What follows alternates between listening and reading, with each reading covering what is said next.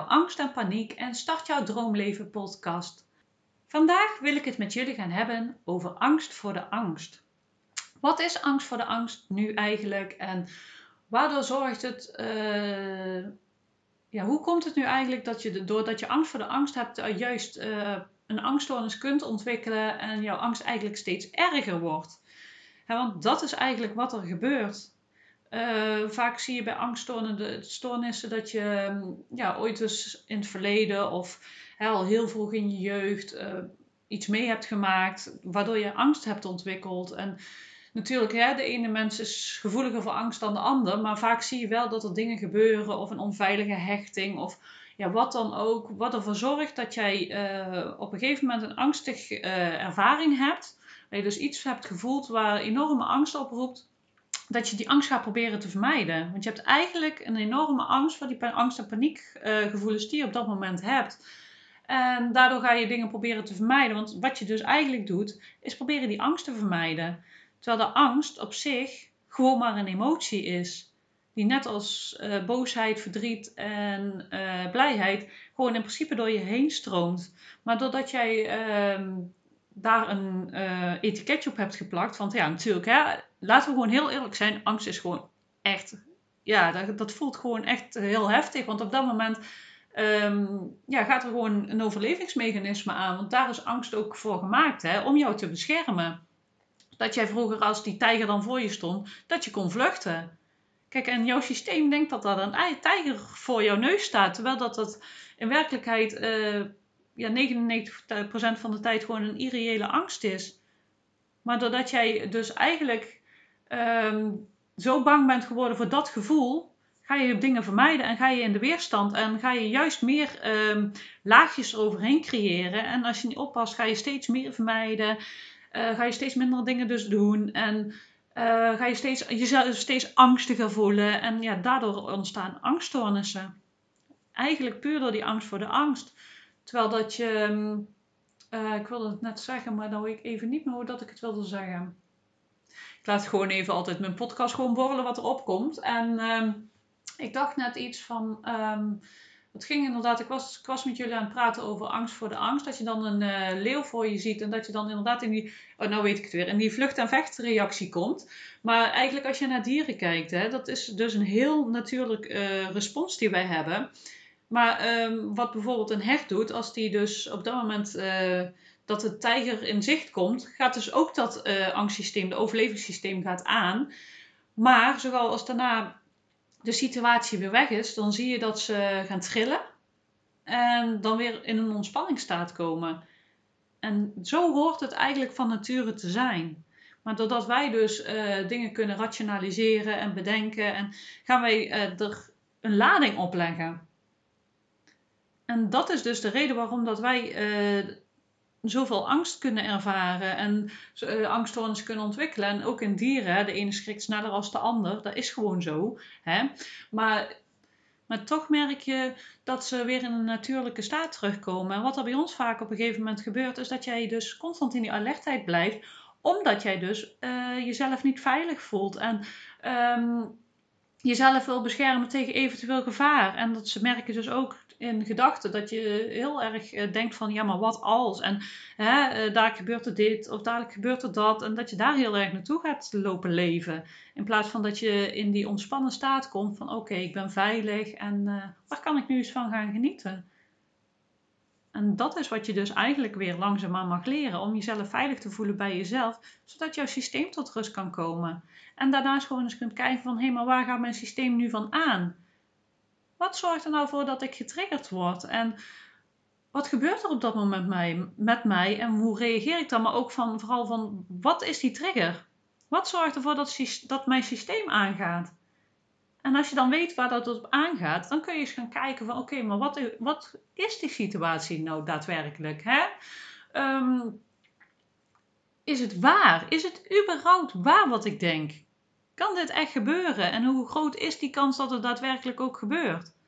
En we hebben bijvoorbeeld heel veel mensen hebben vliegangst. Ja, de kans is aanwezig dat die vliegtuig neerstort. Maar als je kijkt van hoeveel vliegtuigen er dagelijks opstijgen en hoeveel dat er neerstort, ja, dat, dat, dat, die kans is gewoon minimaal. En dan kun je jezelf gaan richten op van, oh ja, maar dadelijk stort hij neer. Of je gaat je richten van, oh ja, maar hè, er stijgen iedere dag heel veel vliegtuigen op. En de kans dat er een neerstort, dat is zo minimaal, want je wordt het niet dagelijks. Zo simpel is het. En dat is met heel veel dingen. Hè? Dat we dan gaan bedenken van, ja, maar stel dat het wel gebeurt. Maar bij heel veel dingen is de kans dat het gebeurt echt heel klein. Maar je gaat daardoor wel... Uh, doordat je zo jezelf richt op de angst en op angstgedachten en angstgevoelens, ga je echt ehm, ja, jezelf afsluiten en steeds meer in de weerstand, steeds meer in de spanning. Er komt steeds minder ruimte voor genieten, uh, blijheid, uh, levensvreugde. En ik denk nog steeds in wezen dat we daar gewoon niet voor gemaakt zijn. Kijk, angst hebben, dat is goed. Echt, als er nood aan de man is, dan is het heel goed dat we angst ervaren. Maar het is wel heel fijn om het gewoon te ervaren zoals eigenlijk hè, wat ik vertelde over die dieren. Bijvoorbeeld als je een ongeluk krijgt, dan is het heel erg goed dat je even die angstreactie hebt. Want dan ga je op een fijne, op juiste manier handelen. En daarna ga je trillen. En dan is het weer weg. En als je er zo naar kunt kijken, en dan kan het weer gaan stromen. Want dat is eigenlijk wat het mag doen. Weer gaan stromen. Kijk, dat je bijvoorbeeld die ongeluk gehad hebt, ja, dat is heel naar, echt super naar. Maar hoe groot is die kans dat het weer gebeurt? Die kans is heel klein en je kunt er heel veel aan doen. Je kunt bijvoorbeeld EMDR gaan uh, doen op, op dat ongeluk, dat moment dat het gebeurde. En hè, dat je die emotie, want weet je wat het vaak ook is? Uh, wij hebben eigenlijk een natuurlijke uh, um, respons, hoe dat we dus de spanning uit ons lijf halen. Maar daar hebben we onszelf afgeleerd. Hè, als jij jouw hele respons helemaal afmaakt, dan zul je zien dat jij ook niet uh, die traumagevoel blijft overhouden. Wat ik al zei van um, dieren, die gaan op een gegeven moment trillen. Wij mensen doen dat ook. Maar dat weet je denk ik zelf ook wel, dat je op een situatie mee hebt gemaakt dat je enorm schrok. Hè, en dat je, dat je lijf helemaal begon te trillen. Laat dat lijf eens uittrillen. Dat, dat is echt, dat zorgt ervoor dat die adrenaline uit je lijf gaat, maar ook de trauma uit je lijf gaat. Ik had bij mijn burn-out had ik, uh, heel veel last van trillingen. Mijn allereerste paniekaanval in Peru. Oh jongens, ik heb uren lopen trillen. Ik vond het doodeng. Ik vond het dood en doodeng. Maar, en na de rand ook nog toen ik thuis was, heb ik heel vaak dat ik gewoon stond te gillen als rietje. Ik was er altijd super bang van. Maar nu blijkt dat het eigenlijk dus een uh, natuurlijk respons is van je lijf om al die trauma eruit te halen. Dus eigenlijk was mijn lijf alleen maar al die trauma eruit aan het halen.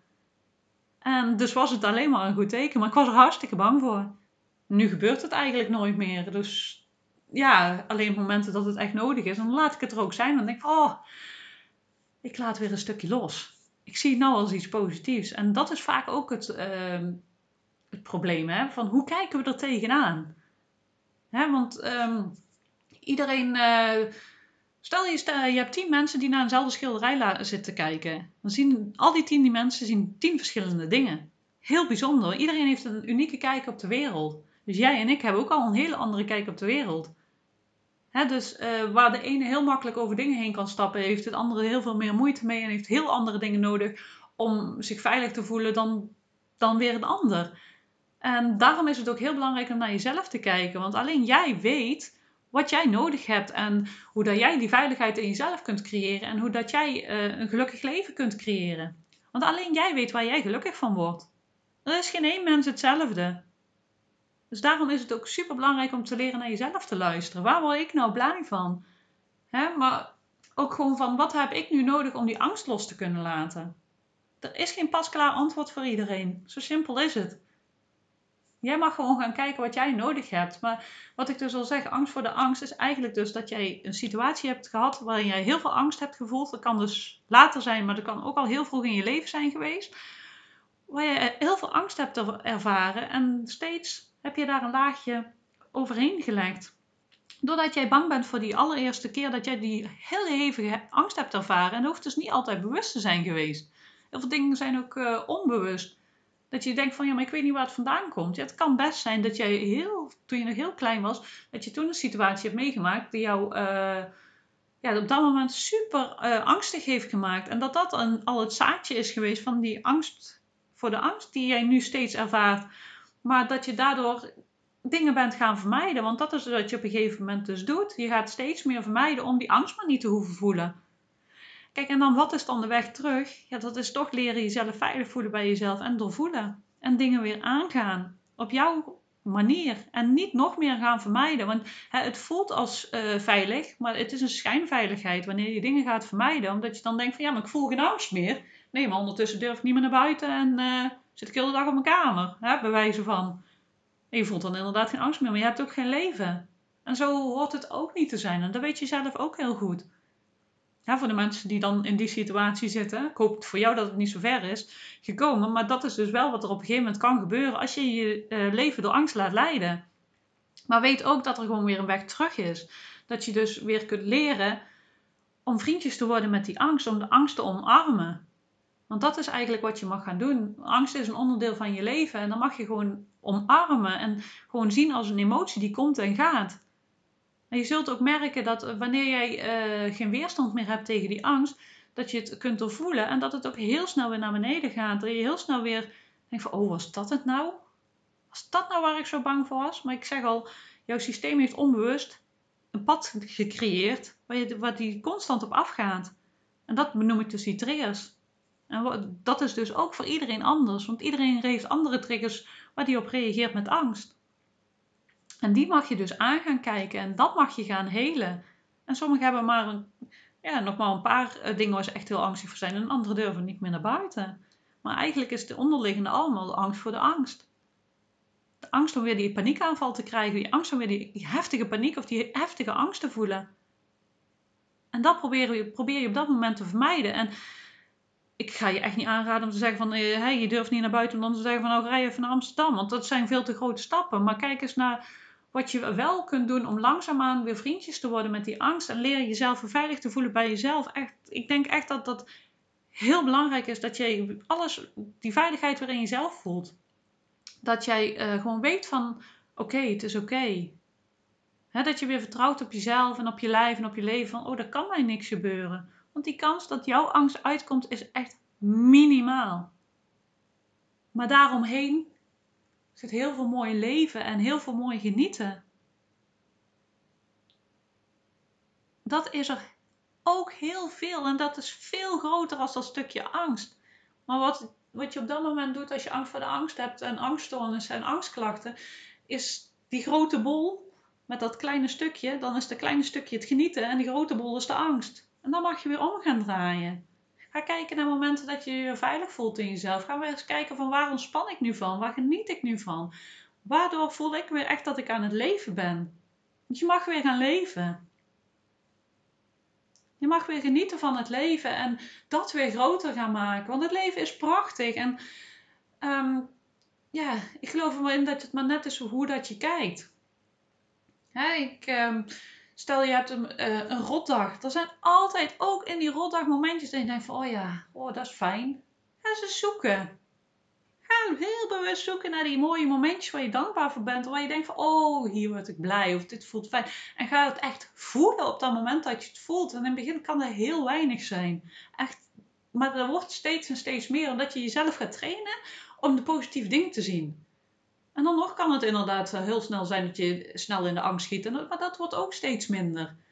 Het wordt allemaal steeds minder en je zult merken als je een tijdje in dat proces bent en ja, de angst voor de angst steeds meer los aan het laten bent, dat je uh, op een gegeven moment denkt van hé, hey, oh, vorig jaar, nou ben ik iets aan het doen, ik je zo van. En vorig jaar, oh, toen was ik zo bang, dat durfde ik echt niet.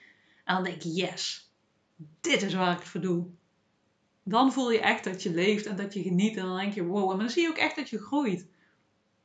En ja, ik vind dat, ik vind dat persoonlijk echt het mooiste aan het hele proces. Dat je ook ziet van, wow, ben ik gegroeid. En wauw, echt gewoon gaaf is dat. En ja, dan, dan voel je echt dat je leeft en dat, dat het leven gewoon mooi is. En juist op die momenten dat je denkt van, wauw, dat heb ik overwonnen. Dat heb ik wel gedaan. En dan zie je hoeveel kracht dat je in je hebt. En hoe sterk dat je eigenlijk wel niet bent. Want je bent gewoon super sterk en je kunt veel meer aan dan dat je denkt. En eigenlijk zit alles al in je. Maar ooit dan moet je het gewoon eventjes weer zoeken.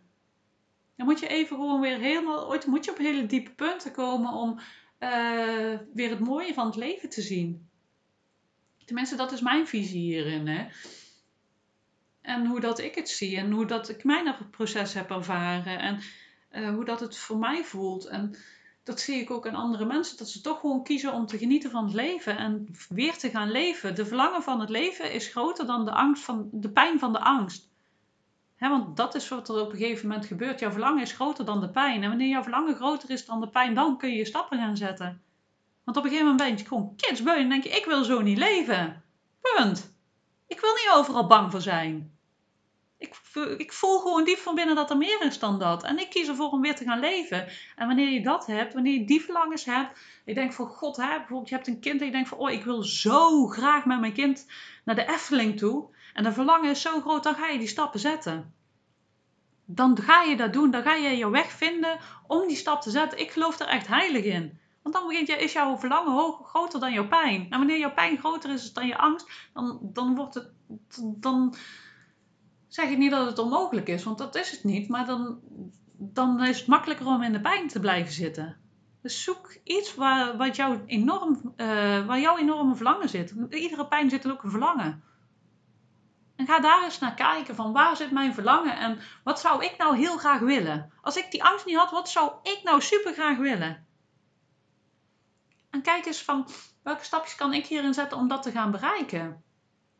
Hè, want zoals ik al zeg, de kans dat die dingen gebeuren waar jij bang voor bent, is echt heel klein.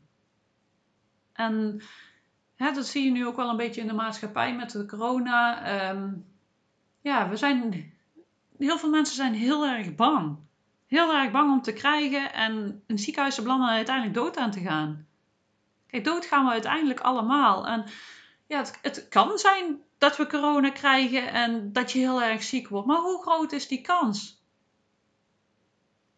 En als het dan wel gebeurt, wil je dan echt al die tijd in angst hebben geleefd? Of wil je op het einde van het leven zegt, dan zegt voordat het gebeurt, denk ik, ik heb wel geleefd. Ik heb wel de dingen gedaan waar ik blij van werd. Ja, met corona is natuurlijk misschien wel, hè, dat is een heel groot discussiepunt en misschien niet helemaal het juiste voorbeeld. Want hè, maar ik ga het eigenlijk een beetje over het principe van hè, dood gaan we allemaal. En hoe wil je van tevoren geleefd hebben? Natuurlijk, als je dingen kunt uh, creëren, net als nu, dat je als, je ja, als je minder ziek kunt worden door een vaccin, dan kun je dat instellen een keuze om dat te gaan doen. Hè, die keuzes heb je en daarmee kun je dingen verlichten. Maar dat is eigenlijk ook wat ik wil zeggen met die angst voor de angst. Hè. Stel je durft niet naar buiten. Dat is dan bijvoorbeeld even de corona van ik kan heel ziek van worden, ik kan er dood van gaan. Hè, maar wat, welke hulpmiddelen, dus bijvoorbeeld het vaccin, ehm, kan ik in mezelf uh, creëren zodat ik wel naar buiten durf. En bijvoorbeeld een hulpmiddel is dan, uh, ik neem iemand mee of ik bel ondertussen iemand of ik zorg dat ik uh, mezelf veilig genoeg voel in mezelf. Dat als ik, dat ik bijvoorbeeld mezelf beloon als het lukt of dat ik eerst zorg dat ik goed bij mezelf ben of ik neem een ontspanningsoefening onderweg mee. Ja, er zijn talloze hulpmiddelen die jij kunt gebruiken die jij gewoon kunt gebruiken uh, op dat moment dat jij die angst voelt.